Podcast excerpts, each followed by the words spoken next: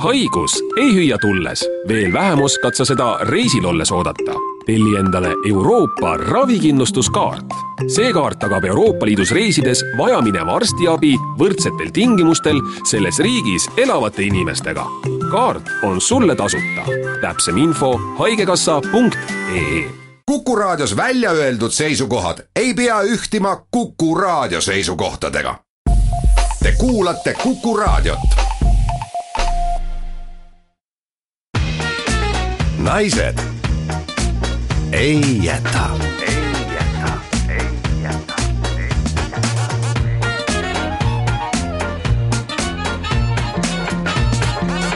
naised ei jäta tere hommikust, on neljas juuni, Naised ei jäta saade eetris. saatejuhid nagu ikka, Marit Tummelas ja Kristi Kool aga täna me teile kella ei ütle. me, me ei teagi, mis kell on. me ei on. tea üldse, mis kell on, sellepärast et me ei ole kodus me otsustasime, et saade Naised ei jäta peaks nüüd murdma piiridest välja ja omandama mingis mõttes ka rahvusvahelised mõõtmed, sest koduturul me oleme juba üht-teist saavutanud. me oleme koduturul kanda kinnitanud äh, varvast ka.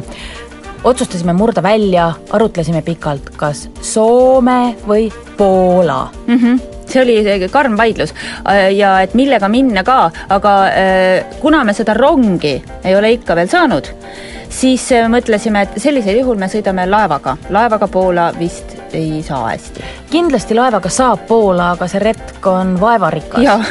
aga me ei ole veel sedavõrd karastunud et minna laevaga Poola, sellepärast me läksime Viking Line'i laevaga hoopiski Soome, Helsingisse, mis on mingis mõttes nagu Mariti kodulinn isegi Helsingi oli tõepoolest veidike aega mu kodulinn, aastat kolm või neli ja mul on Helsingiga väga kirgline suhe.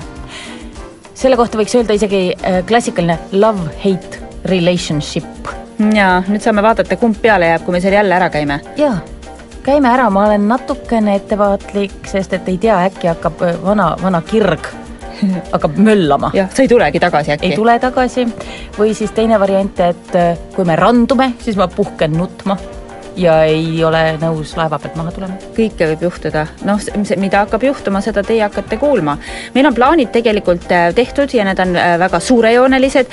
nagu ikka, me tahame juttu ajada tavaliste normaalsete inimestega, nii me oleme oma saates ikka teinud.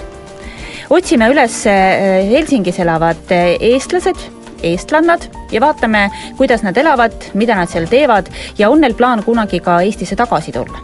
Esmalt me räägime pikemalt juttu ühe väga armsa Eesti õpetajaga, kelle nimi on Anne Ribelus ja kes on eestikeelset kooliharidust edendanud ja üleval hoidnud Helsingis juba ikka aastakümneid ja siis äh, ajame juttu ka kahe koolitüdrukuga ja uurime, kas Soome kool on siis tõesti nii palju parem kui Eesti kool, sest äh, nii vähemalt räägitakse ja ka Soome igasugused need äh, PISA testid ja haridustulemuste näitajad on päris kõrged. Soome kooli kiidetakse, on artikleid, et seal antakse vähem õppida, et seal on kool rohkem lastekeskne, laste peale mõeldakse rohkem, koolikiusamist on vähem.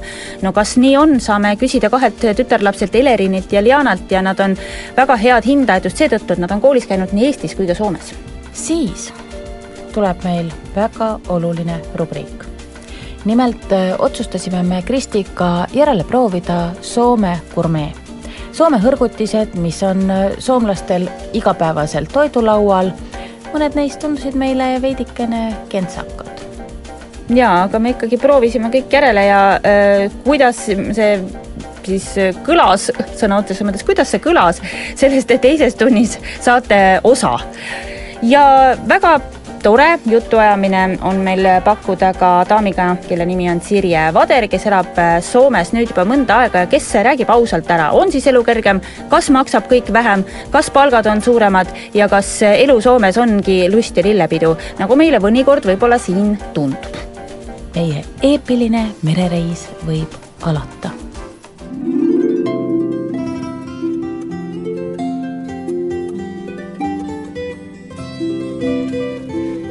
Finland, Finland, Finland, the country where I want to be pony trekking or camping or just watching TV. Finland, Finland, Finland, It's the country for me, you're so near to Russia. So far from Japan, quite a long way from Cairo.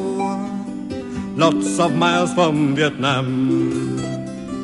Finland, Finland, Finland. The country where I want to be eating breakfast or dinner. Or snack lunch in the hall. Finland, Finland, Finland.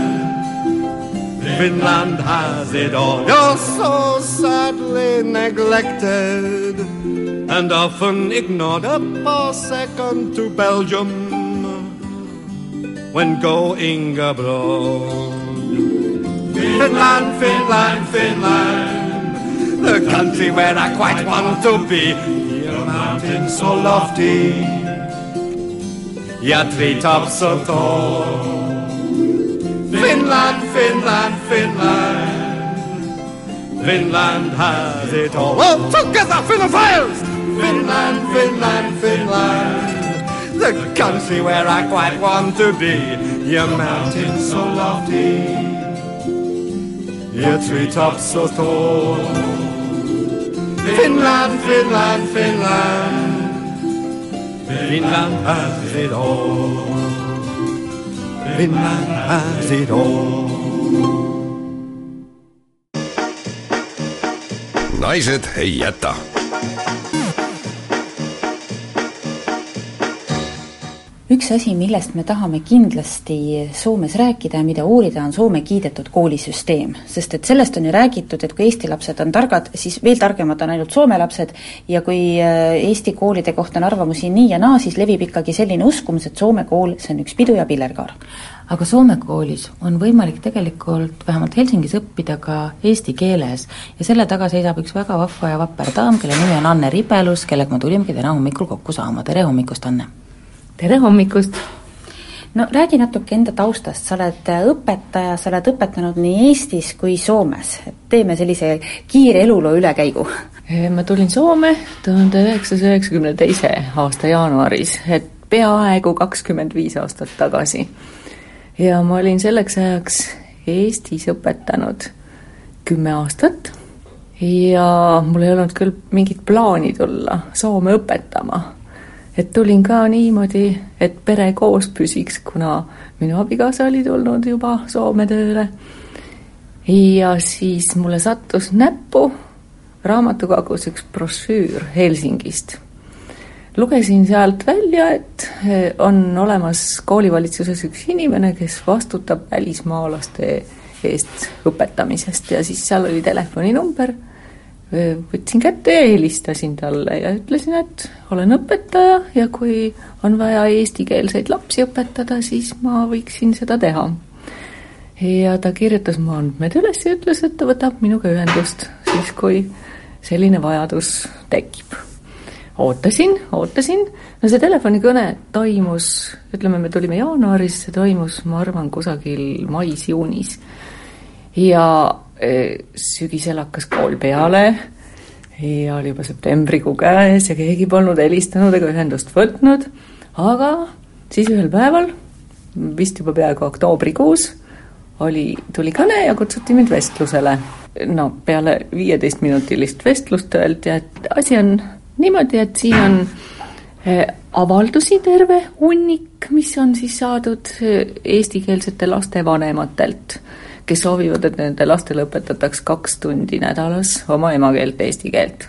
siin on Helsingi kaart, siin on telefoniraamat, telefoni leiad ise ja võtad, grupeerid need lapsed rühmadesse, nad olid kõik ju üle Helsingi erinevatest koolidest ja teed rühmad, lepid direktoritega kokku, helistad neile, et mis kell, kus koolis need rühmad koos hakkavad käima ja paned asja käima, sest enne sind ei ole sellise asjaga keegi tegelenud nii et sa käisid nagu rändtsirkus ühest koolist teise, kella peale sõitsid bussiga kohale, võtsid kokku erinevas vanuses lapsed ja õpetasid neile, kuidas käänata sõna kukk ja,? jah, jah. aga no mul oli kaks küsimust sellele intervjueerijale. et kui ma olin väga üllatunud üleüldse, et see asi nii libedalt läks ja siis äh, mu esimene küsimus oli see, mida ma täpselt õpetan mm. -hmm. õppekava ja siis vaadati mind suurte silmadega ja, ja öeldi mulle, et aga sina oled ju spetsialist, koolitatud õpetaja, sina tead, mida lastele õpetada. ja no see oli selline usaldusavaldus, et ma mõtlesin, et oo, kuhu ma sattunud olen teine küsimus oli, oli, et kes mu tööd kontrollima hakkab, kui ma selle saan käima pandud. ja siis vaadati mind jälle suurte silmadega ja ja, ja öeldi, et hmm, et kui sa soovid, et keegi tuleb su tunde vaatama, siis võta meiega ühendust, me saadame hea meelega inimese ja, ja, ja ta saab vaadata, mis sa seal teed. ja öeldi, et kui sinu peale kaebusi ei tule ja kui töö käib, siis on ju kõik hästi nüüd sa ikkagi oled juba sellises koolis kohal, kus õpilased on olemas, kui suur maht selles koolis, kus sa praegu õpetad, on eesti keelel, kui suur soome keelel? me püüdsime algul, kui me nüüd üheksakümne kuuendal aastal selle kakskeelse soome-eesti õppe käivitasime ja alustasime seitsme õpilasega, siis me püüdsime korraldada seda, seda niimoodi, et pool õppest antakse eesti keeles ja pool soome keeles. kõik ained siis niimoodi, jah?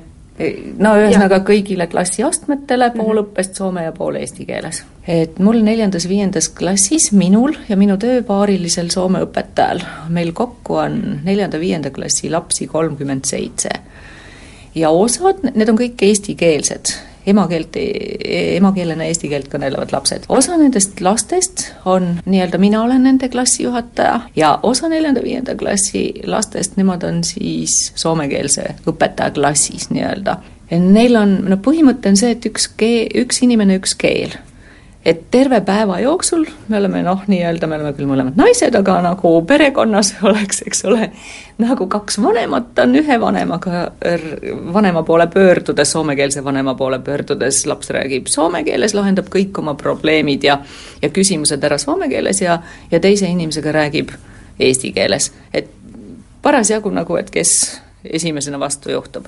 õppeainete õpetamine meil siis tunniplaanis niimoodi jagatud, et ained on ära jagatud, mina õpetan eesti keelt, ma õpetan matemaatikat eesti keeles, soomekeelsest õppematerjalist ma õpetan eh, ühiskonnaõpetust me õpetame niimoodi, et üks aasta üks ja teine aasta teine, et ühes keeles ja teises keeles, ma õpetan muusikat ajalugu ja füüsikat Uhu. viiendale klassile eh, soomekeelsest õppematerjalist, aga me räägime eesti keeles kõik asjad läbi, et ühesõnaga see terminoloogia ja kõik tuleks niimoodi, eh, saaks, oleks arusaadav lastele. ja samal ajal, kui mina õpetan eesti keeles ühes klassiruumis viiendale, siis minu tööpaariline soomekeelne õpetaja õpetab teises klassiruumis neljandale soome keelt teise keelena või soome keeles näiteks loodusained on soome keeles kunstiõpetus, kehaline kasvatus. kui Eestis olevad koolid, mis on kas inglise kolledžid või saksa gümnaasiumid on suunatud sellele, et see laps, kes selle kooli lõpetab, saaks võimalikult hea võõrkeele oskuse.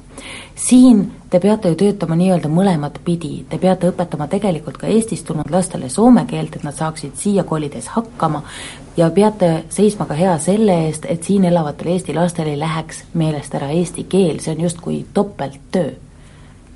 see ongi topelttöö ja topeltkoormus lastele ja peredele eelkõige.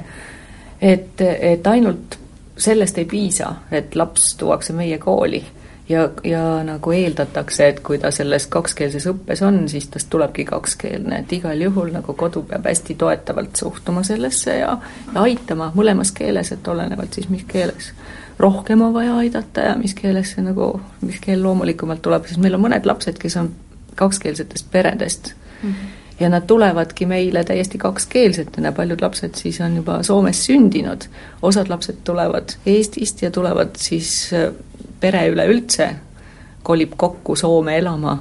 Peale seda, kui üks vanem on mõnda aega Soomes tööl olnud ja, ja siis, kui laps saab meile kooli sisse. ma tean, et väga paljudel inimestel, kes pöörduvad välismaalt tagasi Eestisse, on see probleem, et kui nende lapsed on käinud välismaal koolis, siis on väga keeruline Eesti koolisüsteemi sulanduda, sest esiteks ei ole väga paljudel lastel Eestis arusaadavat tunnistust, ei ole piirkonnakooli ja kõiki selliseid takistusi, et et milline on sinule tulnud tagasiside neilt lastelt, kes on Eestisse tagasi läinud, kas nad saavad siin omandatud eesti keelega hakkama? No see on väga individuaalne. et nii nagu keeleõpe üldse ja, ja, ja kogu õpe, et on väga individuaalne, et mõni laps õpib ja omandab väga kiiresti ja teisel kulub väga palju aega, et omandada midagi. no just nagu ma ütlesin, et kui on teada, et tagasipöördumine ootab ees, siis on mõttekas juba aasta või või, või isegi, isegi rohkem otsida valmis nagu kool, võtta kooliga ühendust, kuhu Eestisse tagasi minnakse. rääkida ära see olukord seal, paralleelselt kodus siis tegeleda just nagu nende õppeainetega millele võib-olla siin nii palju tähele ei pöörata, sõnavaraga, kõige, kõigi sellega, et ka seal, kuhu laps minemas on, teatakse, et ta on sinna tulemas ja osatakse nagu talle ette valmistada seda pehmemat maandumist nii-öelda, arvestada lapsega ja samamoodi, et pere siis oskab arvestada sellega, et kuhu see laps siis satub, millisesse keskkonda aga igatahes mingit suurt vahet ei ole, et tuleb Eestisse ja noh, öeldakse, et oi, et me ei saa kooli võttagi, et ta on nii rumal ei no mitte mingil juhul nii ei tohiks olla, et aastate jooksul on igasuguseid äh,, igasuguseid juhuseid olnud. on olnud juhuseid, nagu me ajas nagu rohkem tagasi läheme, et on, ma tean ühte peret vähemalt, kes on sellepärast tagasi tulnud Soome, et ühesõnaga lapsel on koolis nii raske olnud. aga meil on, me oleme aastate jooksul kogu aeg olnud ühenduses või ühesõnaga teinud koostööd Eesti Haridusministeeriumiga ja oleme andnud tagasisidet, et ühesõnaga eriti kui oli, kui kutsuti Eestisse tagasi, eks ole, et, et ühesõnaga, kui te kutsute tagasi, siis, siis tuleb ka ette, pind ette valmistada, et oleks hea ja hea ja sõbralik see vastuvõtt, kui kui pered tagasi pöörduvad. aga samamoodi on ju ka neid lapsi, kes kolivad Soome juba päris suurena, teismelisena ja näiteks vanemate töö tõttu ja ei oska samas sõnagi soome keelt, et siis kuidas te nendega hakkama saate, kuidas nad õpivad jah. füüsikat soome keeles või, või matemaatikat? jah, neil on juba psühholoogiliselt ilmselt raske, sest sõbrad jäävad maha ja, ja terve oma elu ongi raske ja, ja perekond peab kõik asjad läbi mõtlema, enne kui ta selle otsuse teeb, sest see ei ole lihtne. et Soome riik on nüüd mõelnud selle peale, e, on loodud ettevalmistusklassid, nii-öelda valmistava loaka ja, ja laps, e, lapsel on õigus õppida seal üks õppeaasta. seal on siis maksimaalne õpilaste arv on neliteist ja sinna rühma e, iga kooli juures neid ei ole aga siis piirkonna peale on, on siis üks-kaks või, või kuidas, kuidas kusagil neid rühmi ja sinna rühma siis võetakse erineva vanuseastme õpilased kokku, erinevatest maadest tulnud ja neile õpetatakse põhiliselt siis soome keele olgeid. ja vastavalt siis sellele, et kuidas see laps omandab seda soome keelt, hakatakse teda selle kooli soome, soomekeelsetesse klassidesse integreerima et näiteks no lihtsamad ained, no just kehaline kasvatus või käsitöö või joonistamine, et algul nagu nendes tundides käivad koos soome lastega ja siis, kui see aasta on läbi, õigust rohkem ei ole seal õppida, et siis laps kas jätkab selle kooli soomekeelses klassis või siis oma kodupiirkonna, no tavaliselt ikkagi, kui laps käib kodule kõige lähemas koolis. et siis see kool peab arvestama, et mis võimalused on toetada seda last seal soomekeelses õppes Eestis nähakse vaeva, et õpetaja elukutse oleks väärtustatud äh, palgatõusu läbi, ka selle läbi, et, et ühiskond tunnustab õpetajat, et see on äärmiselt oluline elukutse, püütakse meesterahvaid rohkem sinnapoole meelitada, et see õpetaja elukutse väärtustamine meil noh, väga veel ei edene. aga, aga kuidas on lood Soomes, kas Soomes on hea olla õpetaja, kas Soomes on olla prestiižne õpetaja? on küll prestiižne olla õpetaja ja meil on ikka päris palju meesõpetajaid. Eesti, Eesti külalised käivad ja imestavad, et oi, teil on nii mitu meest koolimajas ja on ka algklasside õpetajaid ja õpetajaks õppima ei ole üldse lihtne pääseda, et konkurss on suur mis siis on veel need noh, boonused, mis õpetajaks olemisega kaasnevad, miks on hea olla õpetaja, no palgast me ilmselt ei räägigi, see on ilmselgelt tunduvalt suurem kui meie õpetajate palk, aga mis veel õpetajatele võimaldatakse? Pikk suvepuhkus, ma arvan, on üks. klassiruumi remontima ei pea? ei, ei, ei, ei tohigi ei, sellist asja ei tee keegi nagu ise. aga pikk suvepuhkus kindlasti, see on kaks ja pool kuud ja mitte keegi ei kohusta sind isegi kordagi käima kooli juures selle aja jooksul. et äh, sind usaldatakse, sa teed oma töö kodus või kui sul on vaja, paljud õpetajad loomulikult käivad vastavalt vajadusele kooli juures tegemas oma asju ka suvel, aga sa ei pea seda tegema ja kui sa oled äh, hädas endaga, kas sul on kohta, kust küsida abi, on mõni keeruline õpilane või mingi keeruline olukord ja või siin ei olegi üldse keerulisi õpilasi?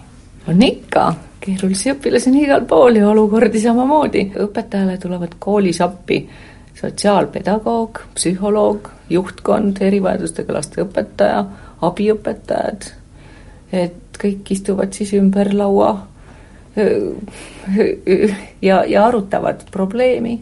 Ja kui koolisiseselt lahendusi ei leita, siis võetakse väljastpoolt kooli abilised nii-öelda appi, et sotsiaalamet ja perenõuandlad ja, ja, ja kõik sellised, keda ei maksa üldse karta, kes siis nagu tõesti on selleks, et nad aitavad nii et kui sul on klassis mõni Joosep Toots, kes üritab äh, nurka lõket teha ja võtab kaks koerapoega kooli kaasa, siis saad abi?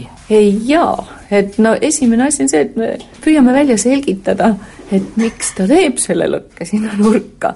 et igal asjal on oma põhjus.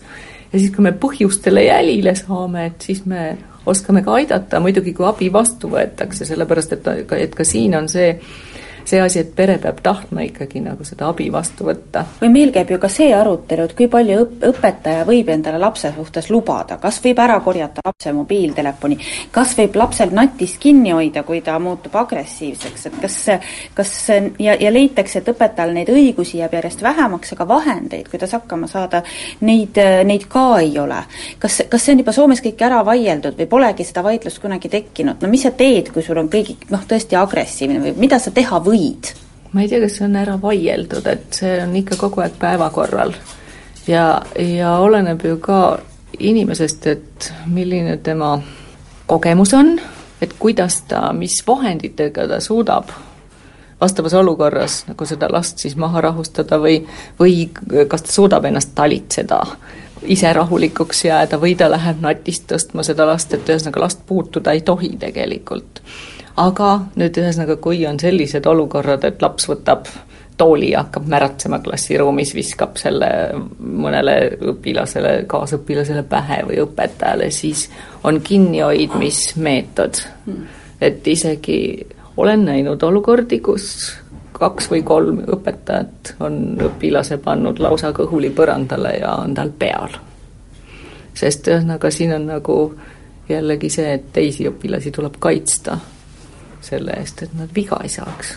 Anne, sa oled nii pikalt olnud Soomes õpetaja, et ma usun, et äh, väga paljud sinu kunagised õpilased on suured täiskasvanud inimesed, neil on oma pered, oma lapsed, kas sul on ka selliseid lapsi praegu koolis õppimas, kelle vanemad on sinu juures õppinud? veel ei ole veel ei ole, et, et aeg ei ole veel nii kaugel.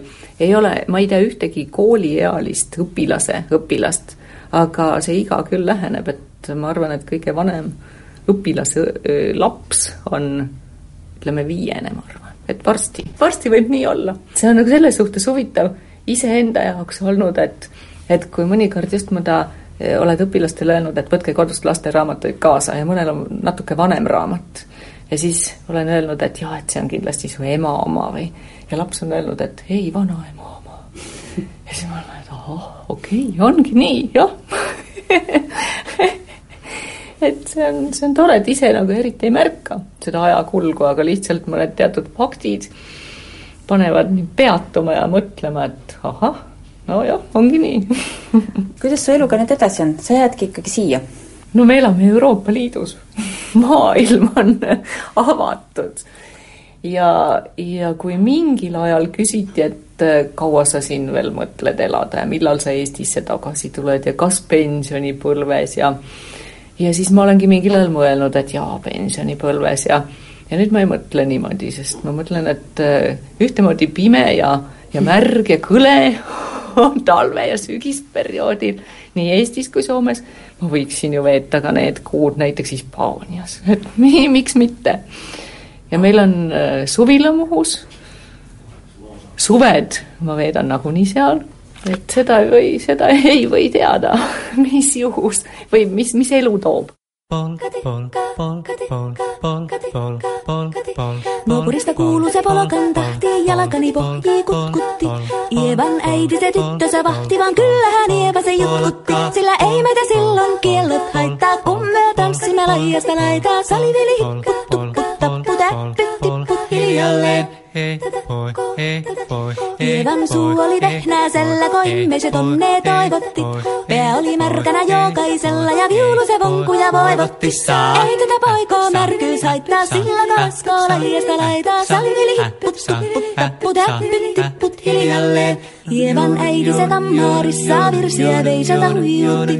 Kun tämä poika naapurissa ämmän tyttöä nuijutti. Eikä tätä poikoo ämmät haittaa, sillä kalaskoo laijasta laitaa. Saliveli hipput, tupput, tappu, täppyt, tipput hiljalleen. Hilipate, hilipate, hilipate, hillaa, hilipate, hilipate, hilipampaa. Jali tuli jallaa, tali tuli jallaa, tili tuli, tili tuli, tili tantaa. Vali tuli jallaa, tili tuli tallaa, tili tili, tili tili, tili tili dali dalla, hali tuli tili dali alla di allan tili dali dali dali heilanta. Rimpa di ralla, ribi rabi ralla, rumpa di rumpa ribi rampu. Yakkaritta rippari lapalan tuli tuli lallan tibirantu. Yakchachappari dikkari lallan tikkari dillan tikstandulla ribi dabi dalla rumpa di rubi rankuri kangu kaya kiri kangu.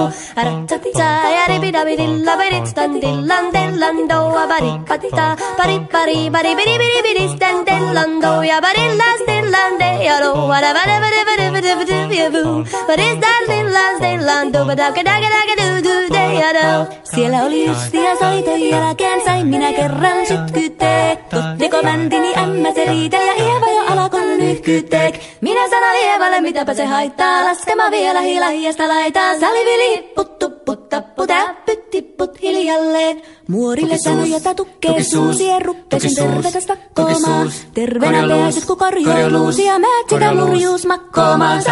Ei tätä poikoo hellyys, haittako appoja uhkii lahiasta laitaa. Salivili hipput, tupput, tappu, täppyt, tipput hiljalleen. Sen minä sanoin, jotta purra pitää, ei mua niin vaan nielasta. Suot mänä ite vaikka lännestä ittävä, minä en luovu Ievasta. Sillä ei tätä poikoo kainuus haittaa, sillä kato siila hiasta laitaa. Salivili hipput, tupput, tappu, täppit, tipput hiljalleen. naised ei jäta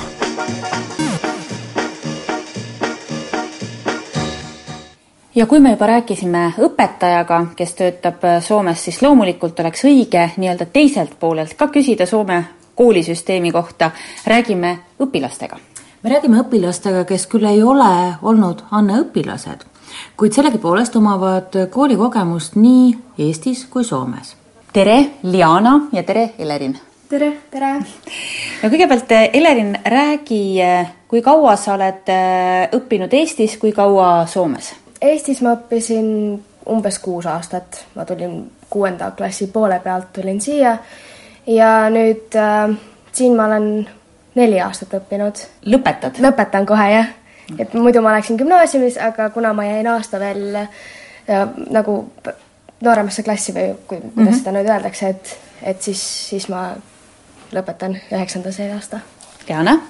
Ma olen olnud täpselt nagu pool, ma olen olnud neli aastat äh, Soome koolis ja neli aastat Eesti koolis. no tegelikult, eks see Eestis koolis käimine oli sinu jaoks ka nii-öelda võõrkeeles koolis käimine, sest tegelikult sa ikka Eesti perest pärit ei ole. jaa, ma olen vene perest pärit ja see oli natukene raske, kuna teised õpilased ei saanud äh, minust aru mõnikord ja mõnikord ma tahtsin lihtsalt rääkida vene keeles äh, ja siis kõik olid nagu, et mis keelt sa räägid aga pärast ma, ma õppisin väga hästi eesti keele ära ja ma sain palju eestikeelseid sõpru. kas siia kohaneda oli alguses raske? no kõik see, kõik see, kui te alguses tulite ja esimest korda siia kooli läksite, kas te tundsite, et teid võeti vastu hästi, kas teile tehti see nii kergeks kui võimalik uh...?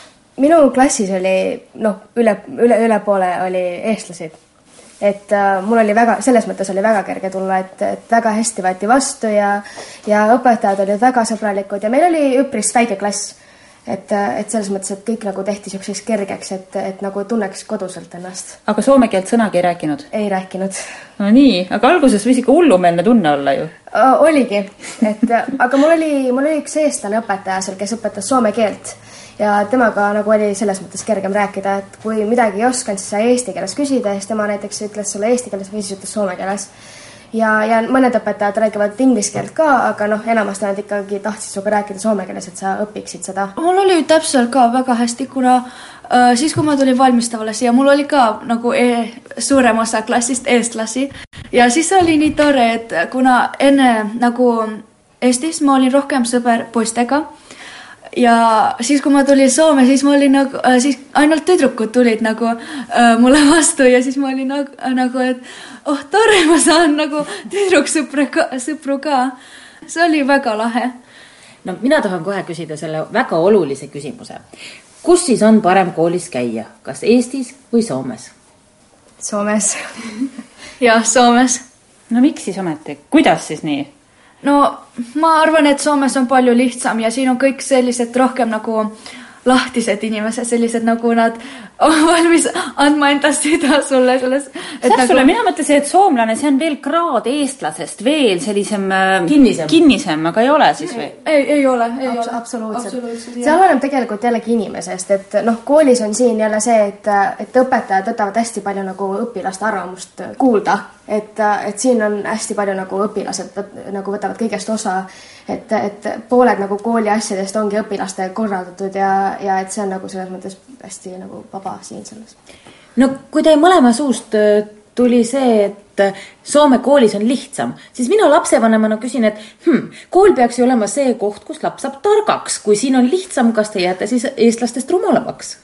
no äh, ei, mitte selles mõttes äh,, et rumalamaks, vaid et nagu Eestis on, anti palju rohkem koduseid töid, aga näiteks Soomes äh, ei anta nii palju, kuna siin tehakse rohkem selliseid projekte ja selliseid töid, et õpib samal, kui teeb nagu mm. -hmm. et samal ajal juba õpid. ja mm, -hmm. ja teed nagu koduseid töid no, nagu niiviisi. nagu mingi praktilise tegemise käigus. Mm -hmm siin, siin on jah, et siin ei anta nii palju koduseid töid, et siin on rohkem siuksed projektid ja asjad, et et läbi nende ja, ja tunnis on hästi palju siukseid nagu äh, loovaid töid ja, ja niimoodi, et ja noh, oleneb jälle tunnist.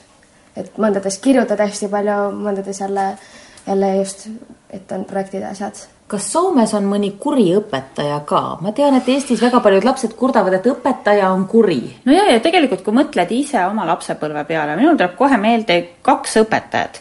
tegelikult üks neist oli ka väga hea õpetaja, aga ta, kui tal oli paha tuju ja mõni õpilane, kes talle ei meeldinud, ta võis minna kohe selliseks kurjaks ja siis terves klassis oli halb õhkkond. ja siis oli üks geograafiaõpetaja, kellele armas jumal oli andnud kõva hääle ja kui tema röögatas üle klassi, siis noh, ikka hirm oli, kui sa oled kümneaastane tirts, sa ikkagi kardad kardad. aga, aga siin on seda, et sa kardad mõnda õpetajat. sa võid no. rääkida, äkki ta ei kuula meie saadet, räägi, räägi no minu meelest ei ole. või siis, kui on, siis on väga harva kuna mul oli Eestis, mul oli klassiõpetaja esimesest kuni neljandas klassini ja ta oli väga kuri ja äh, mulle ta ei, et ja ma ei meeldinud talle üldse. Ma, ma ei tea, miks, aga see oli lihtsalt nii. Aga siis, kui ma tulin Soome, siis kõik õpetajad olid kohe nagu, et oh, tore, sa oled Eestis, sa oskad vene keelt, sa oskad, sa õpid kohe soome keele, see on nii lahe. Ja tore. Ja nagu selles mõttes, et siin on palju sel- ja õpetajad on ka rohkem sellised lahtised minu meelest. ma tean, et Eesti koolides on väga palju lastel mure koolikiusamisega. küll kiusatakse sellepärast, et kellelgi ei ole nii poppe riideid, küll kiusatakse sellepärast, et kellegi muusikaeelistused on teistsugused, vahel kiusatakse sellepärast, et kellelgi on prillid või sellepärast, et ta armastab keemiat. kuidas Soome koolis selle kiusamisega lood on? näiteks äh, Soomes äh, minu meelest ei ole nii palju kiusamist ja siin on rohkem selliseid inimesi, näiteks äh, te ütlesite, et, äh, et keemia pärast, et kellelegi võib meeldida keemia ja sellepärast kiusatakse, et aga siin on just niiviisi, et äh, kui kellelegi meeldib keemia, siis päri-, väga paljudele meeldib ka see keemia, et nagu ja nad saavad väga häideks sõpradeks, et see on väga tore selles mõttes. no enamasti, kui mingit kiusamist on, siis on see just nagu rahvuse ja, ja nahavärvi ja siukse asja pärast, aga seda ei tule ka väga palju ette. Et, et väga, väga, väga, väga vähe Väga harva. väga harva, aga, aga on. no meil on ka see, et vahel öeldakse, et isegi kui see kiusamine on ja tahaks minna õpilane abi otsima, siis noh, vaadatakse mujale või õpetajad ei taha sekkuda või nad ei oska sekkuda. kas siin on ka see, et kui isegi mingi kiusamine ilmneb, hakatakse sellega kohe tegelema? ja hakatakse kohe tegelema. Öeldakse või kas õpetajatele ja siis õpetajad nagu räägivad öö, enda nagu nende kiusajate vanematega ja siis nagu ikka midagi võetakse ette. ja hästi palju minnakse nagu kool, koolipsühholoogi ja juurde ja, ja seal nagu räägitakse, et, et ei vaadata kuidagi imelikult, et, et on, on, et on mindud rääkima, et, et just, et hästi paljud käivad. no üks äh, asi, mis veel mulle tundub, et on teistmoodi Soome ja Eesti koolisüsteemis, Soomes vahetatakse kooli äh, võib-olla tihedamini ja kuidagi valutumalt. Eestis on see, et sa valid selle kooli lõpuks lapsele välja äh, väga hästi, kui õnnestub see valik korralikult, see koolivahetus, noh, see, see on see turvalisest keskkonnast järgmisse kohta minek. Te olete mõlemad Soomes olles kooli vahetanud yeah.. kui raske see oli?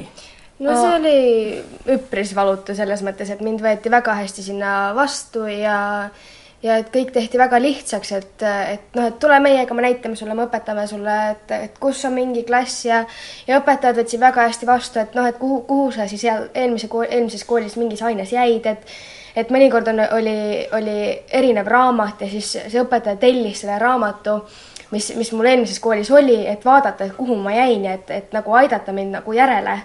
et, et selles mõttes oli väga hea, et mind nagu aidati kaasa kõigega ma vahetasin ka just nagu märtsis kooli ja kui ma tulin kooli, ma ei tundnud eriti ühtegi inimest, aga siis pärast äh, kõik olid nii sõbralikud, kõik tahtsid, et ma tuleksin nendega, et ühed inimesed ütlesid, et tule meiega, teised ütlesid, et tule meiega, siis ma ei teadnud, et nagu mida teha. ja õpetajad olid, õpetajad on ka väga-väga lahked siin.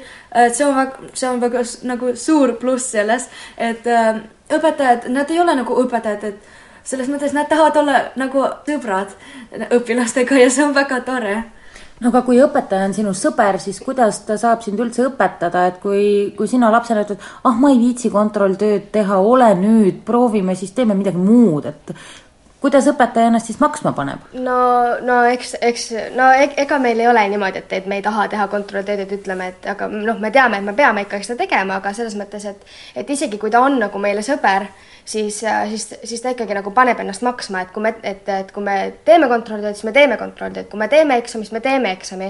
aga selles mõttes, et ta nagu toetab igas asjas väga palju ja, ja, ja aitab alati kaasa, kui on vaja ja ja just, just kui ongi nagu, et kuhugi gümnaasiumi saada, et et siis ta nagu, ta, ta räägib sulle igasugustest asjadest ja, ja nagu aitab sind just, et toetab aga seda ei ole, et koolis kiusatakse õpetajat, et äh, no hakkab kogu klass üksmeelselt vastu, siis keegi veel filmib seda, kuidas õpetajat terroriseeritakse. Äh, keegi ütleb midagi inetut vastu ja õpetajal ei ole võimalusi midagi teha, sest et. Äh, ta ei tohi võtta õpilasel kõrvu pihku ja anda kere peale.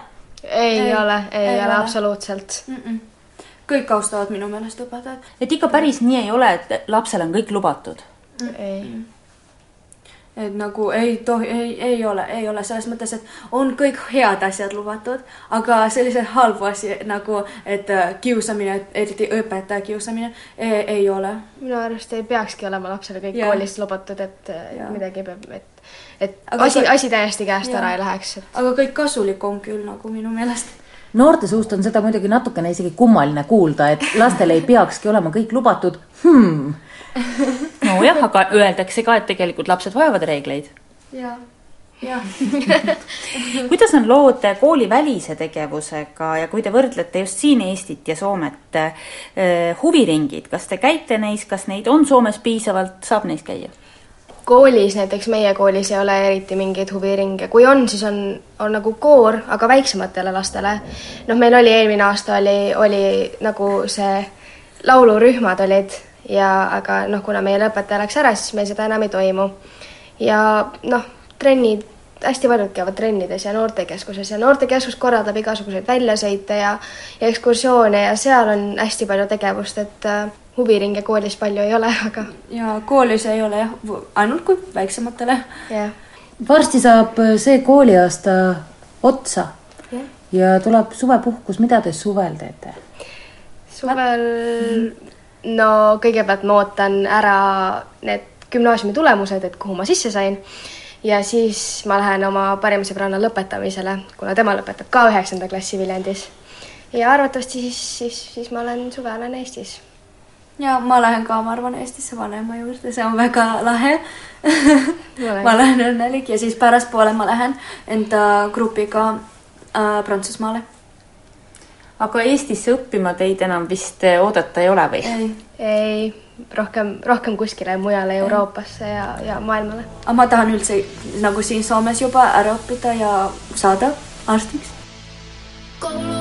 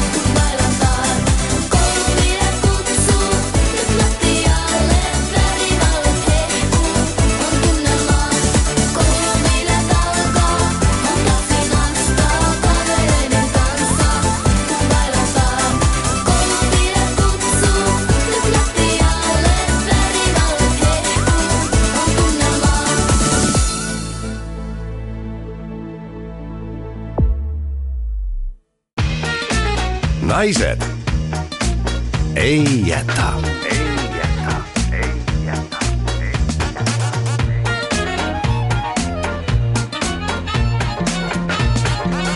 naised ei jäta. naised ei jäta teine saatetund on alanud ja teadmiseks kõikidele neile, kes esimest millegipärast ei kuulnud, me oleme Soomes. jaa, tänase saate nimi on tegelikult Naised ei jäta Soome minemata.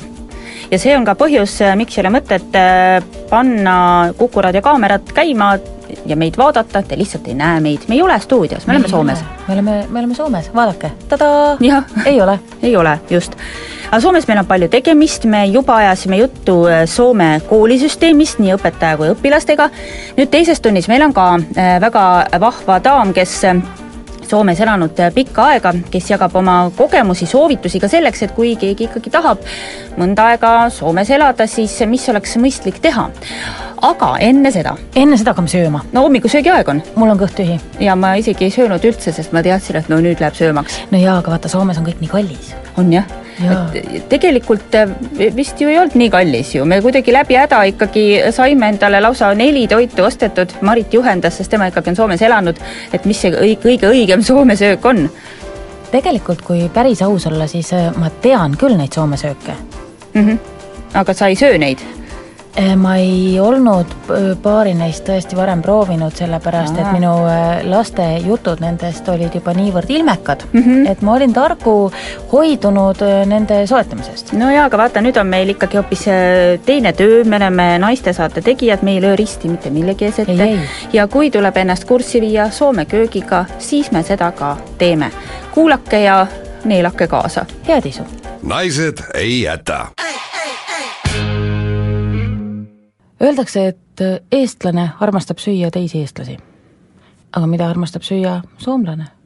ei tea, me käisime sellepärast toidupoes, no tegelikult me natuke ju Soome toidukultuurist siiski teame, ei ole ju nii kauge ja võõras rahvas. veidi teame, me oleme ju telekast näinud igasugustest gurmeekokkadest saateid, kus süüakse siiakala ja süüakse pohlamoosi ja süüakse murakaid ja käristatakse põtru aga mulle tundub pigem, et see ei ole selline igapäevane toit või ei kuulu rauge teisipäeva õhtusse, kui pere on tulnud töölt, lasteaiast, koolist ja on vaja kiirelt midagi hambusse visata, eestlane teeb sellel puhul makarone hakklihaga, pelmeene, borsisuppi, viskab kalapulgad ahju, aga mida sööb soomlane? me püüdsime toidupoest üles leida just sellised Soomet iseloomustavad ähm, pooled, poolfabrikaadid või valmistooted, eh, mida siis Soome pereema saab pakkuda, mis on teada, et soomlastele meeldivad, mida on teada ka, et Soome enda firmad toodavad millest on kujunenud sellised klassikalised Soome igapäevatoidud. nii, mis meil siin siis on, meil on külmad road ja soojad road meil on tegelikult üks külmroog ja see kuulub magustoitude kategooriasse ja meil on kolm sooja rooga. väga põnev. no sina, kes sa natuke rohkem tead Soomest ja oled seal lausa elanud ja Soome kommetest, siis ütle, millest me peaksime alustama, mis on esimene toit? no ma arvan, et äh, võtame hakatuseks midagi, mis on eestlasele tuttav mm, -hmm. tuttav mitme kandi pealt, äh, no nagu selline asi nagu pannkook väga hea mõte. pannkook on meile kõigile tuttav, tegemist on ka selliste pisikeste armsate ümmarguste pannkookidega, mis on veidi-veidi tumedamad, sest nad näevad välja, nagu nad oleks tipa kõrbema läinud, aga just nimelt seepärast, et tegemist on veripannkookidega jaa, need on mustad pannkoogid, veripannkoogid, tõesti, ma usun, et mõne eh, kaugemalt kandi mehe ehmataks ära. aga noh, meie ju teame, et verd saab toidu sisse panna. verd saab toidu sisse panna, paneme ju isegi, sööme verivorsti, sööme verikäkki, nii et karv läigib, nii et mis see veripannkooks siis nii palju hullem saab olla? tõsi, mina veripannkookki söönud ei ole, aga proovime. lasime ka mikros soojaks, et oleks mõnusam. õpetases oli öeldud, et laske mikroahjus soojaks kaks-kolm minutit, head isu mm. -hmm kas neid süüakse paljalt või pannakse sinna muidugi midagi, mida meil ei ole, noh, mida meil nagunii ei ole, aga muidu pannakse sinna midagi peale või? pildi peal olid pohlad peale pandud oh,, kuid oli ka hoiatus, et tegemist on tugevalt soolase toiduga. ah soo, tugevalt soolase lausa? nii, pannkokk on selline õhemapoolne, mitte selline vaata eh, muidu need lusikapannkokid tänu soodale lähevad selliseks mõnusaks kerkivad. see pannkokk ja mis sa vaatad nii huvitatud näoga? vaatan su nägu on jah, tugevalt soolane. Aga noh, kõige hullem ei ole, ma ütleks. see asi ju.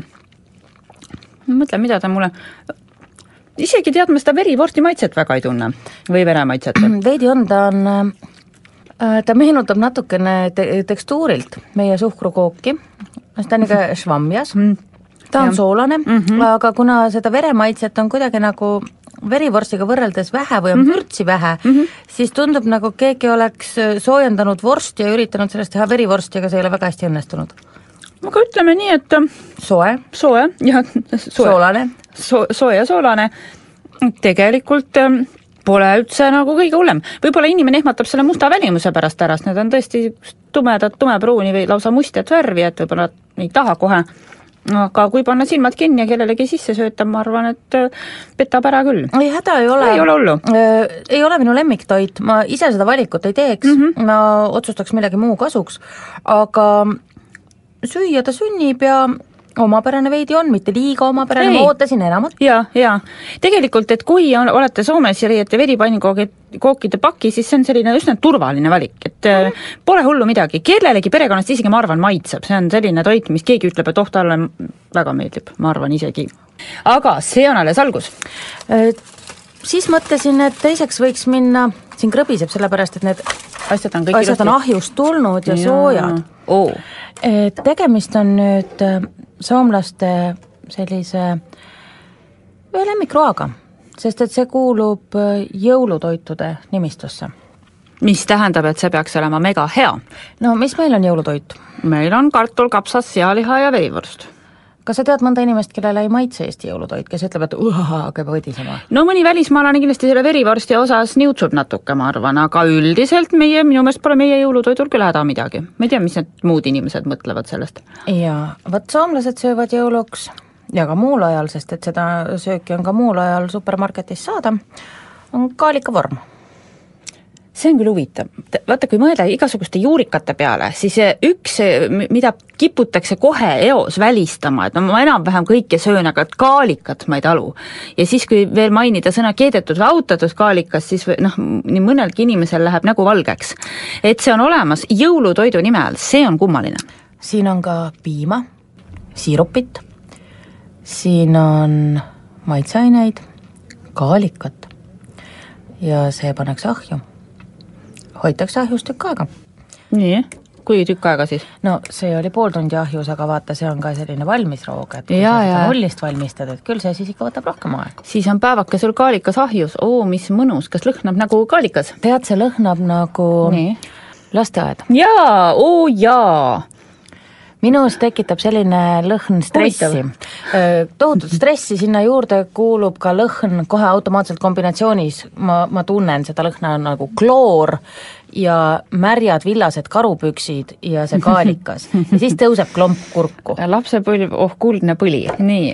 seda süüakse siis äh, lihtsalt, kuna ta on vorm, siis lõigatakse igale ühele paras pala ja läheb äh, vohmimiseks, jah? vohmid siit endale ühe jupikese ja nii. lase aga hea maitsta. pealt on ta pehme, kuigi ta oli ahjus.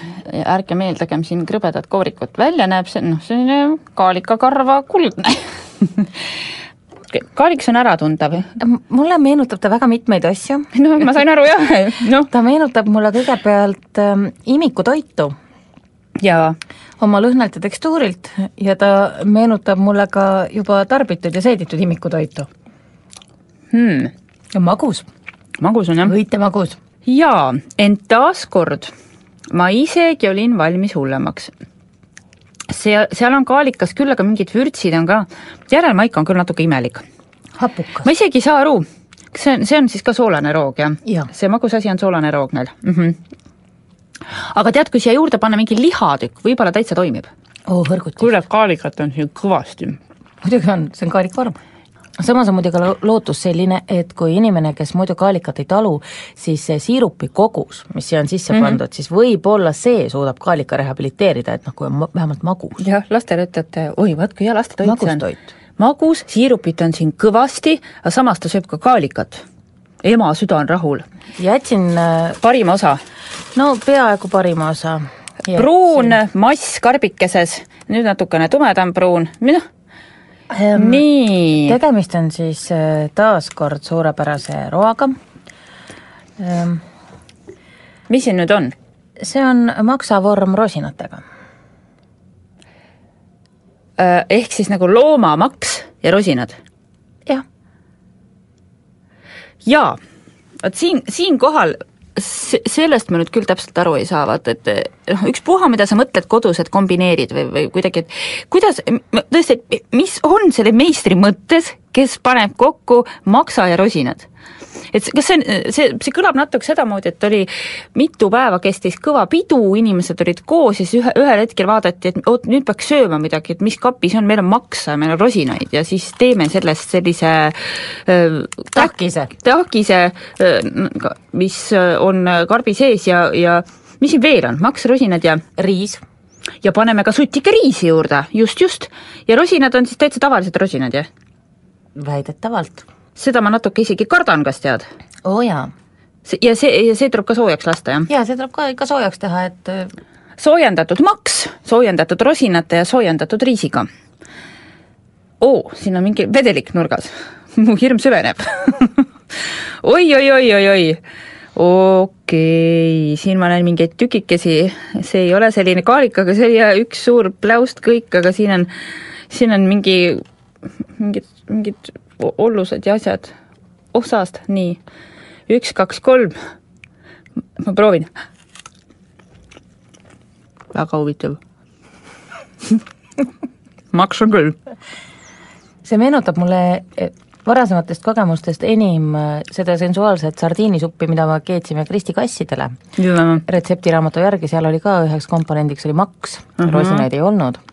Aga sa oled oma kassiga suhteliselt sarnast nägu, kui sa seda sööd. no esimene rosina, ma püüan teda sobitada maksa ja riisi. väga ei õnnestu.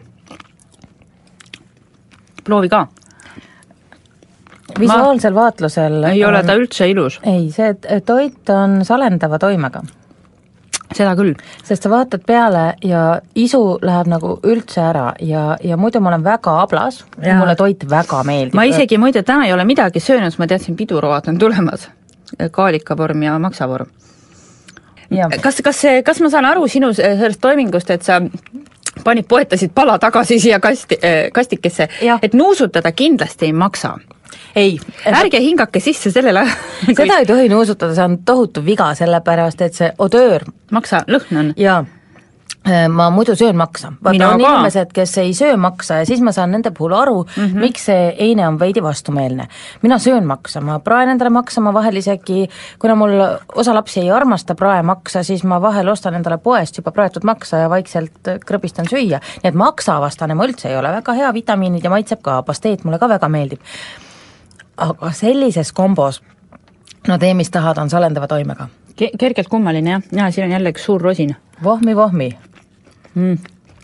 natuke jah, tõesti noh, pasteet ja ongi huvitav see, et seal on erinevaid toite sees, aga see kuidagi see nagu ei eine töötab nii mitmel tasemel. et on natuke nagu pasteedi komponent, on riisipudru komponent ja siis on ka rosinakiselli komponent. et kõik kolm ühes seda pakutakse ka koolis lõunasöögiks. ära sa märgi, ei tea, kuidas minekut on mm,? Eesti laste hulgas väga ei olevat. ei olevat? aa, et need vaesed Eesti lapsed oi, oi-oi-oi, teate, Soome kooli juures me leidsime nüüd ühe murekoha veel. kui on see päev, et sa lähed, lähed, tunned juba tunni ajal maksa, maksalõhna levivad koolimaja peal, sa tead, et täna on see päev, kui pakutakse, mis selle asja nimi oligi? maksavorm ei, aga mis soome keeles on? maksalaadikko. Äh, maksalaadikupäev on ja, ja siis äh, mõnelgi Eesti lapsel tuleb pisar tuleb silma ja ta mõtleb, oli seal Eestis, mis oli, aga küll nüüd tahaks, küll nüüd tahaks äh, kalapoola kastmes. kalapoola kastmes, jah. kas meil on kõige parem nüüd jäänud või? jaa, meil on jäänud sööme magustoitu oo, ma ei saa aru, mis värk on nende värvidega, et äh, järjekordne pruun. koloriit on sellele pehmelt ine... öeldes pasakarva. no see on väga pehmelt öeldes, ütleme nii. aga samas ma võin öelda kuldsed sõnad, et eh, vedelasita värv on alati väga soliidne.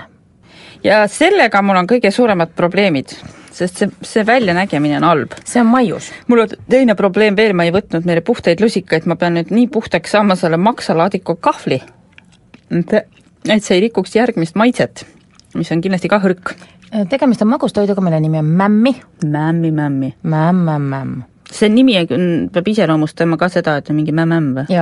tõsi, jah? see on natuke nagu liivasupp. see ongi. on jah? jah. õllega või? või kaljaga või mingisuguse asjaga? tead, see, see mulle üldse ei maitse. ma isegi hakkan seda maksa natukene niimoodi rehabiliteerima, seda maksa. maks polnud sugugi see on nii imelik no ja on jah, mingi. kas selle pealt saab veel midagi käärima panna või? selle mämmi pealt saab midagi veel teha edasi. see mulle ei maitse. tead, kui mul on valida, kas maksavorm või see mämmi, siis ma pigem söön seda mämmi. tead, mina mõtlen muide juba lausa vaata et vastupidi.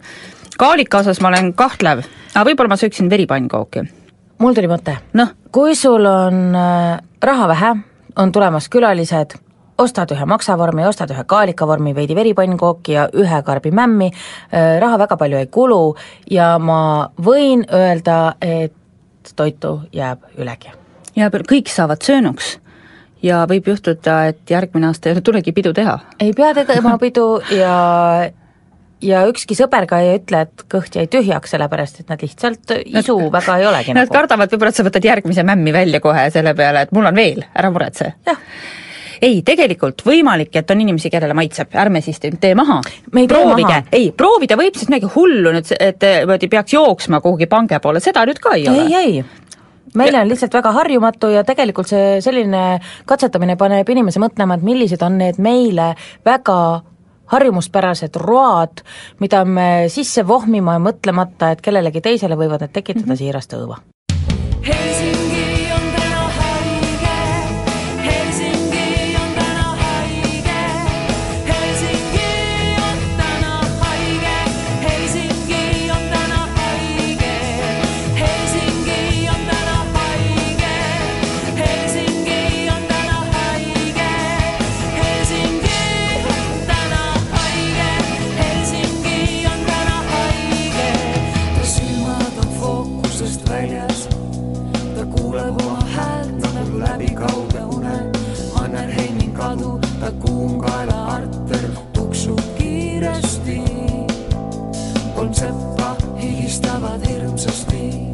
Vasarad väsinult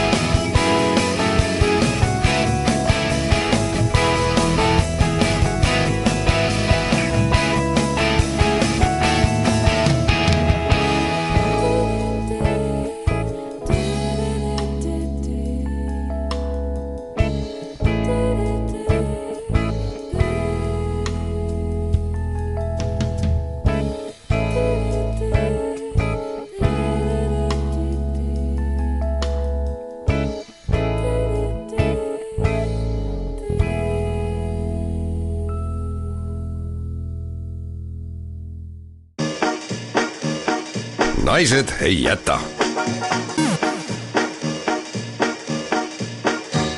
kui tulla Helsingi, siis tulla kindlasti ka kellelegi külla. meie tulime. me tulime külla eestlanna Sirje Paderile, kes elab Helsingis nüüd juba vist piisavalt palju aastaid, et kui sa mõtled sõnale kodu, siis sa mõtled ikka kohale, kus sa siin elad, on ju?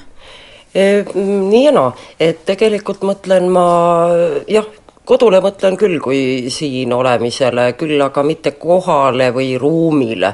et see ruum, üks rendikorter ei ole nagu, nagu selles mõttes kodu, et eks nii nagu mul on ka paljudel eestlastel nii, et kus, kott, seal kodu, eks. et, et kodumaja on mul ikkagi Eestis, seisab küll praegu paraku tühi, aga aga kodutunne on siin täiesti olemas, ma ei tunne ennast mitte kuidagi võõrana siin riigis olles ja elades, et kindlasti mitte.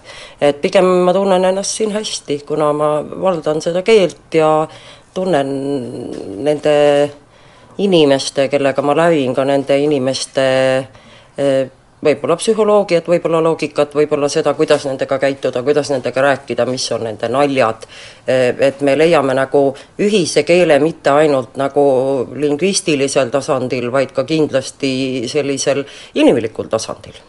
mille poolest erinevad need sind ümbritsevad Soome inimesed siis Eesti inimestest mm.? vot see on äh, sama küsimus, kui sa küsiksid, et mille poolest erinevad kassid ja koerad nii, nii radikaalselt kohe? et, et, et see on noh, see on täpselt sama võrdlus, et alati on üks Soome inimene, üks Eesti inimene ja ma võin neid kahte omavahel võrrelda. küll ma ei saa võrrelda kõiki eestlasi kõikide soomlastega, esiteks ma ei tunne kõiki eestlasi, veel vähem kõiki, kõiki soomlasi. aga neid inimesi, kellega ma lävin, võib-olla soomlased on no, algatuseks, on nad kinnisemad. Nad ei lase sind nii kiiresti endale ligidale nad nagu ennem vaatavad, puurivad sind, äh, äh, võib-olla ei usalda sind nii kiiresti.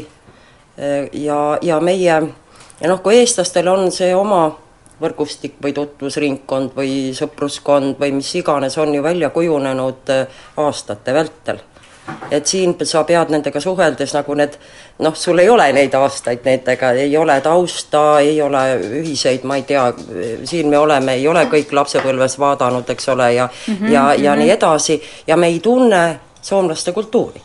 me tegelikult ju ei tunne. noh, me, me oleme lugenud koolis Seitset venda heal juhul, eks ole, või, või minuvanused on vaadanud äh, sealt allast või, või, või, midagi. aga, aga seda, et ma tunneksin Soome näitlejaid, Soome lauljaid, Soome noh, mida iganes, teatrit, kas või lastelaule, vot see on see, äh, mis, äh, mis künnist tuleb nagu ennem nagu ületada, et teil oleks, millest rääkida. oled sa kogenud mingit soomlaste poolset eelarvamust selle tõttu, et sa oled Eestist pärit? Jaa, seda ka seda ka, aga see on ka jälle inimesepõhine, eks ole. mulle hirmsasti ikka meeldib see Vanso lause, mille ta ütles kunagi soovit-, soovituseks Juhan Viidingule tema raamatus äh, ärge vaielge kunstikääbustega, teid tabab löök allapoole vööd. nii lihtne see tegelikult ongi, kui sa näed, et on sinu suhtes nagu eelarvamusega, on ta negatiivselt meelestatud, on ta äh, on, siis see ei lähtu ju minust. kui ta mind ei tunne või kui ma talle ise mingit kärna pole keeranud või mida iganes, eks ole, see, see lähtub temast, tema varasemast halvast kogemusest. et minu valik on siis see, et kas ma üritan talle tõestada vastupidist, et kõik me ei olegi nii hullud, või siis las ta olla oma, oma uskumuse ja teadmisega, eks ole sa tulid siia niimoodi, et mitte paugu pealt päeva pealt elu Eestist ära kustutades, vaid siia alguses tööle, sa oled kahe riigi vahelt sõitnud, tasapisi siia kolinud, siin juba päris kaua elanud. mis on olnud selline kõige harjumatum või mida sa mäletad, sa mõtled, et oh, see on nii teistmoodi, see on nii harjumatu, see on nii, see on Soomes hoopis teistmoodi kui Eestis noh, ma arvan, et neid asju on ikka päris palju, noh, kui me räägime tööasjast või, või niimoodi või kogu sellest bürokraatiast, et, et sellega peab, noh, sellega peab ennast hirmsasti kurssi viima. kõik need astmelised tulumaksud ja igasugused sotsiaalsüsteemid ja kus sa pead ennast registreerima ja kus sa ei pea ja kus noh, et seal on, kogu bürokraatia on hästi keeruline ega sa muidu aru ei saa, kui hea tegelikult ja kui lihtne on Eestis selle asjaga tegeleda, tõeliselt lihtne. ja aga samas noh, ma pean nüüd mõne positiivse poole ka tooma eks ole, et äh, seda on ka väga palju. Et, et noh, õudselt hea on autoga sõita näiteks Soomes, sest teed on väga head. Väga, väga, väga ilus loodus, mulle meeldib pööraselt Soome loodus. Väga-väga ilus on, mulle meeldivad kõik need kaljud igal pool ja mul meeldib nende otsas ronimas käia ja niimoodi. koeraaiad, neid on igal pool ja, ja väga mugav on, üleüldse Soomes on, minu meelest on üks tohutu koeraarmastaja, kassiarmastaja rahvas. Soomes sa ei näe, no ei näe ühtegi hulkuvat looma. hulguvad ainult need linnajänesed ja oravad. mitte ühtegi ei näe. tohutult palju on inimestel koeri, samas koerajalutajaid on kõik kohad inimesi täis, hästi koerasõbralikud ja kassisõbralikud inimesed. ja samas, ega nad on su noh, kui ta natukene näeb, et sa ei ole nagu noh, see sõltub inimesest endast, eks ole, kui eestlane mõtleb ka, eestlane, kes Soomes pole ilmaski käinud ja näeb ainult neid joodikuid, kes laevaga edasi-tagasi tiirutavad, neil on ju hoopis teine pilt, nad pole näinudki õigeid soomlasi. see pilt eh, on, on väärastunud ühte teistpidi, soomlasel on ka tihtipeale väärastunud pilt eestlasest, kes kindlasti siin petab ja kindlasti varastab ja kindlasti teeb seda-toda, et, et, et leides üles siin oma toredad sõbrad tuttavad, saades, liikudes äh, ka soomlaste ringides ilmtingimata, et, et siis, siis see pilt läheb hoopis teistsuguseks. kui sa ütlesid, et soomlased on märksa kinnisemad ja nendega on algselt äh, märkimisväärselt raskem kontakti saavutada, siis mina tean väga paljusid eestlasi, kes elavad Soomes ja lävivadki ainult teiste eestlastega ma saan aru, et sina lävid ka väga palju soomlastega, et kuidas sa oled no, suutnud rohkemgi soomlastega kui eestlastega, et kuidas sa oled suutnud sellest siis läbi hammustada ja soomlaseni ei, jõuda? see ei ole üldse keeruline, no mina olen hakanud soomlastega suhtlema kaheksakümne seitsmendast aastast, eks, et mis meil see kokku teeb nüüd juba, kolmkümmend aastat. ja, ja, ja eelkõige enne mul olid ammuilma sõbrad ja, ja siis ma tulin alles tööle, aga ma tulin tööle ju sulaselgesse Soome kollektiivi. seal ei olnud ju eestlase poegagi. et, et see tähendas seda, et ma hakka- ja, ja kuna ma hakkasin tegema müügitööd ja väga meestealatööd, nagu plekitööriistade ja tööpinkidega tegelema ja tähendas see ka seda, et ma hakkasin mööda Soomet ringi sõitma nalja sai nii, et vähe polnud tegelikult, et noh, üks eestlane, eks ole, üks Eesti tädi helistab kõigepealt, ma nüüd tulen ja siis lähed võrr-võrr mõne ei tea kus, Vaasa pleki töökojad niimoodi hoovi peale. ja see esimene neid nägusid oli alati tore vaadata, sellepärast et noh, ta on nii meeste maailm isegi Soomes ei ole soomlasi, naisi kuigi palju üleüldse sellel, sellel alal või polegi õieti või noh, ma sain nagu päris ruttu nende hulgas kuulsaks, et, et noh, oli, oli üks tädi ja siis tuleb ja ja siis saad jutu peale, tead, siis saab noh, siis saab nalja ja siis on tegelikult ei ole see keeruline. et mida eestlasele soovitada, et ärge minge, ärge minge eestlase firmasse tööle, minge soomlase firmasse tööle. ja minge Soome kollektiivi tööle. see on see, millega sa õpid ja kus sa leiad, eks sa lähed, ütleme, et noh, seda pole ka alati valida kindlasti, et sa saad töökoha sinna, kus sul on, ma ei tea, tuttavad ees või midagi, et see ei ole nii lihtne seda tööd saada ju igal pool aga, aga, aga töötades koos soomlastega, vaadates Soome televisiooni. inimesed on, noh, praegu on ju võimalik kõik need oma Viasatid või mis iganes asjad, Starmanid, kõik nad ju saavad nad ka siin neid vaadata. ja kui ei vaata, ei vaata Soome telekat, ei loe soomekeelset raamatut, ei kuula soomekeelset raadiot, ei, ei äh, lävi soomlastega, no kus sa seda keelt õpid? Ja sa ei õpi teda õhtul peale tööpäeva, et võtad raamatu lahti hakkad õppima. ei, see ei õnnestu. et suhelda tuleb inimestega, soomlastega. ja kui alguses läheb valesti, no mis siis, noh on sul juhtunud mingeid selliseid äh, meeleolukaid möödapanekuid ka just nimelt keele või kultuuri pinnal oh,? jaa, on ikka.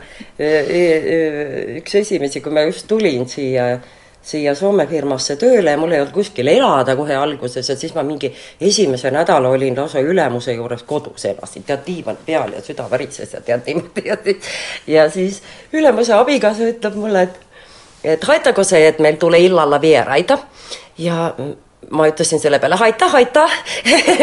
Arvates, et noh, et külalised tulevad, et ei, mul ei ole sellest midagi. aga haitago tähendab äh, seda, et, et kas sind äh, häirib või kas sind segab see, et meil tuleb õhtul külalisi. Ja mina ütlesin selle peale, et segab, segab. Et tõesti segab. aga, aga ega väga palju. Jah, näiteks sõna pisin, mis tähendab, äh, eks ole, kõige pikem ja eestlase jaoks on see nii ikka nii üdi, nii tillukene sõna et, et sellega on kunagi olnud mingit möödapanekut. ja, ja noh, eks neid, neid tähendusi on ikka küll ja noh, nii palju on ju neid sõnu, mis tähendavad hoopiski midagi muud. aga on siis siin elu kergem?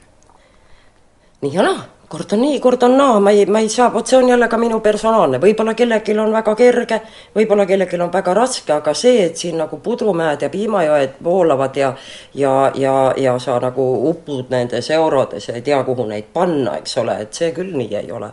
et tööd tuleb rabada nagu mehe moodi, kui sa tahad ära elada.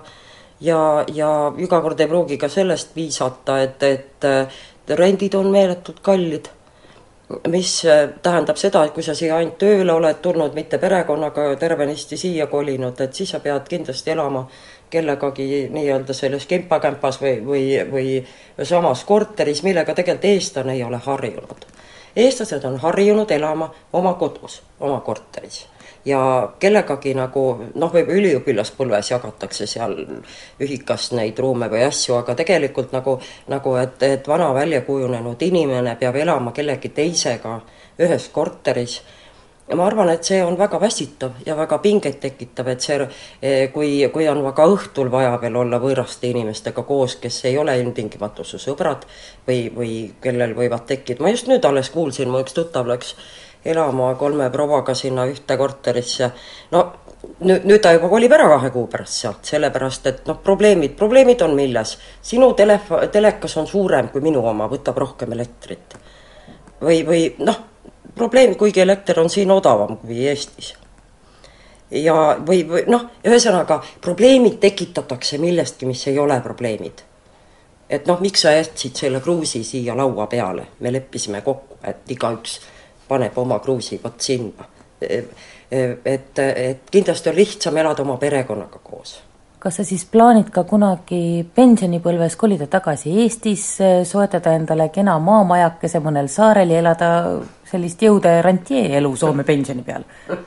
Ma arvan, et Soome pensioni peal, mida mina jõuan siin välja teenida, väga saare peale majakest ei osta veel, vähem jõude elu ela. aga, aga ma loodan jah, selle pensioni, kuna ma olen juba nagu poolel teel puu otsa nii-öelda, et ma olen, et ma usun, et ma jõuan selle pensioni, kuhu ei olegi enam nii palju aastaid jäänud välja teenida aga, aga väike majake on mul olemas, mis on parasjagu müügis, ma seda ma ei jaksa valmis ehitada nii hästi, ma üldse ei teeni niimoodi, et, et ma ei tea. mul on jube raske sulle täna öelda, mida ma teen, kui ma jään pensionile. ma ei tea ja ma ei, nagu ei planeeri ka seda praegu. et elu on viimastel aastatel nii palju muutunud. asjad, mida ma arvasin, et need lähevad nii, läksid hoopis teist teised asjad, mida ma ei arvanud, et lähevad nii, need lähevad jälle, noh, sa ei tea mitte kunagi, et, et kus see eh, nii-öelda see corner või kus see nurk on, noh, ja sa ei tea, mis on nurga taga. kus ma tean, või võib-olla ma lähen Ameerikasse hoopis. No nii, me oleme rääkinudki päris mitme inimesega juba, nii noorematega kui vanematega. Ja iga, igaühe käest ikka kerge lootusega küsinud, et kas on nemad ühel hetkel ka tagasi tulemas ja peab ütlema, et me ei ole saanud sellist vastust, ma tulen kindlasti Eestisse tagasi. jah, ma ei, ma ei julge küll praegu öelda, et ma kindlasti tulen Eestisse tagasi, sest Eestimaa on loomulikult minu kodumaa. Ja loomulikult on mul seal hulganisti sugulasi ja kõik ja niimoodi, aga aga, aga eelkõige sa tuled ikkagi oma noh, oma kõige lähemate juurde, eks ja kui sinu kõige lähem inimene ehk sinu laps ei ole hoopiski Eestis ja pole mitte midagi tolku sellest, kas ma räägin temaga läbi Skype'i Tallinnast või, või Helsingist, et siis, siis tegelikult noh, mul ei ole seda pidepunkti seal ühte tühja majja tulla. E, kodu on see, kus on elu sees, kõik asjad ei vassad, pudinad, pudinad, eks ole, et et sinna ma võin alati külla tulla või sõita. saar on mul ka olemas, mul on eh, venna lapsi kaheksa tükki Saaremaal, nii et et ma võin sinna väga lahedalt minna. minu vennanaine, imetore inimene, saab just kuuekümneseks seal, et, et, et ma võin ka sinna minna aga, aga samas on mul siit ka neljasaja kilomeetri kaugusel, mul on hoopis üks soomlaste kogukond, kes on teosoofid, kes elavad ühes kogukonnas koos ja ma võin ka sinna minna et ma ei, ma nagu üldse ei, ei tunne, et, et ma olen tingimata vot see, et, et, et ma pean olema selles kohas selle koha pärast, vaid eelkõige ikka ma lähen sinna kuhugile nende inimeste pärast.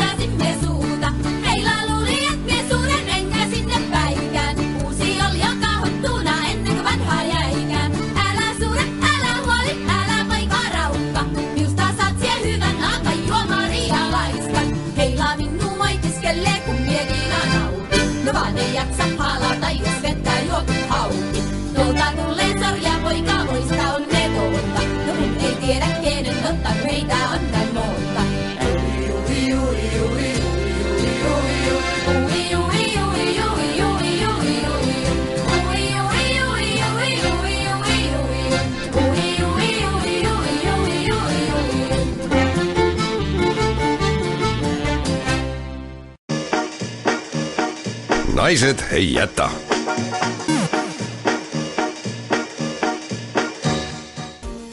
esimene Naised ei jäta Soome minemata erisaade hakkab saama läbi. aga teine tuleb veel. just nimelt, me ei saa veel ära tulla, me ei tule veel Soomest ära. tegelikult äh, mulle tundub, et äh, paljud inimesed ei tule sealt ära. kummaline on jah see, et kõik inimesed, kellega me oleme vestelnud, on öelnud, et ei tea. keegi ei ole öelnud nagu otseselt ei, et ma jään, jäängi Soome, keegi ei ole öelnud ka, et hurraa, hurraa, homme juba tulen, mul on kummikud ukse kõrval ja kohver pakitud. pigem mõeldakse vist selles suunas, et äh, minnakse veel Soomest kuhugi edasi mida ei saa ka pahaks panna, inimesed Poola. tahavad Poola, äkki saab ükskord ikkagi Poola minna, inimesed Laevaga. tahavad maailma näha, tahavad käia laevaga Poolas. meie võtame selle tee ette teinekord, me peame veel Soome edasi jääma, sest et äh, siin on veel üht-teist teha, on veel asju, millest me tahaksime rääkida ja, ja on veel inimesi, keda teile tuttavaks teha. Nii et järgmisel nädalal me oleme samamoodi Soomes. jah, siis ei ole ka mõtet meid siit Kuku stuudiost otsida, me ei ole siin, me oleme Soomes ja me ei ütle teile ka kella, sest me ei tea, mis kell on, me oleme Soomes. näiteks vaata, Kristi, praegu, kas ma tean, mis kell on? nii, Marit, mis kell on? ei tea. Marit ei tea, mis kell on, just nimelt, sest Marit on Soomes. veel on üks äh, asi, mis tuleb ära märkida, nimelt on meil uus žanr lausa võiks öelda niimoodi intervjueerimisel. ja minu meelest te saite kõik sellest ju selle saate vahendusel ka osa.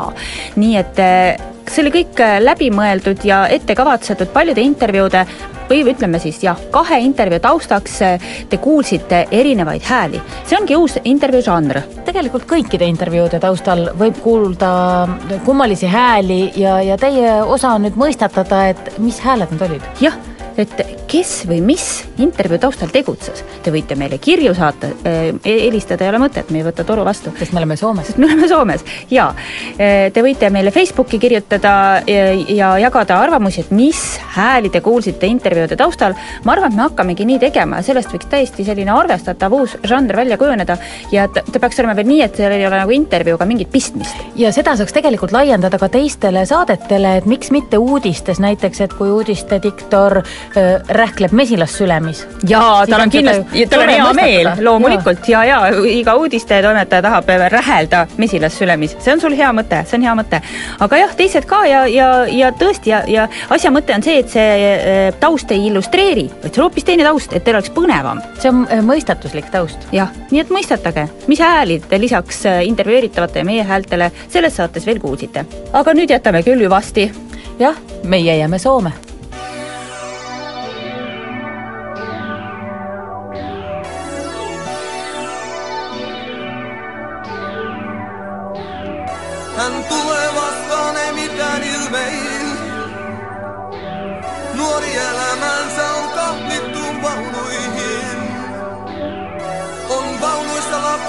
lapsi taas sata luntaa.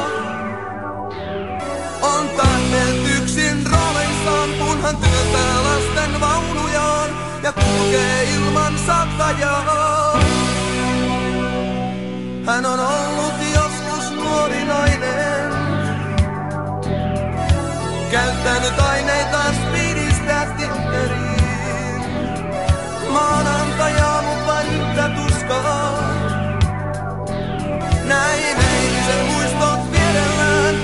herännyt tuntien kipeä, yksin jäämisen tunteen häpeä. Hän on nahkatakkinen tyttö, sama tyttö on nähnyt helvetin.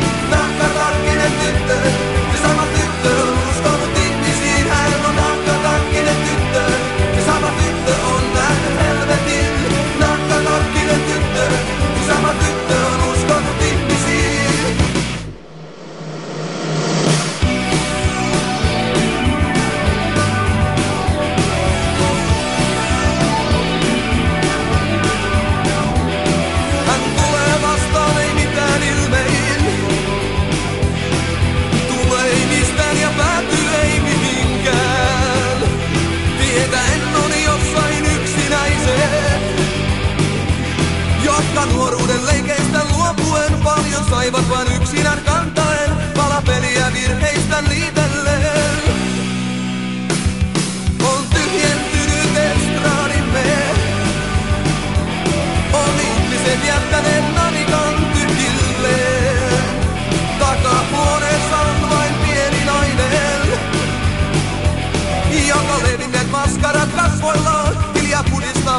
päätänsä pahoillaan ja showman jatkaa kulkuaan. Hän on nahkatakkinen tyttö, se sama tyttö on nähnyt helvetin. Nahkatakkinen tyttö, se sama tyttö on uskonut ihmisiin. Hän on nahkatakkinen tyttö, se sama tyttö on nähnyt helvetin. Nahkatakkinen tyttö, se sama tyttö on uskonut ihmisiin. Wow!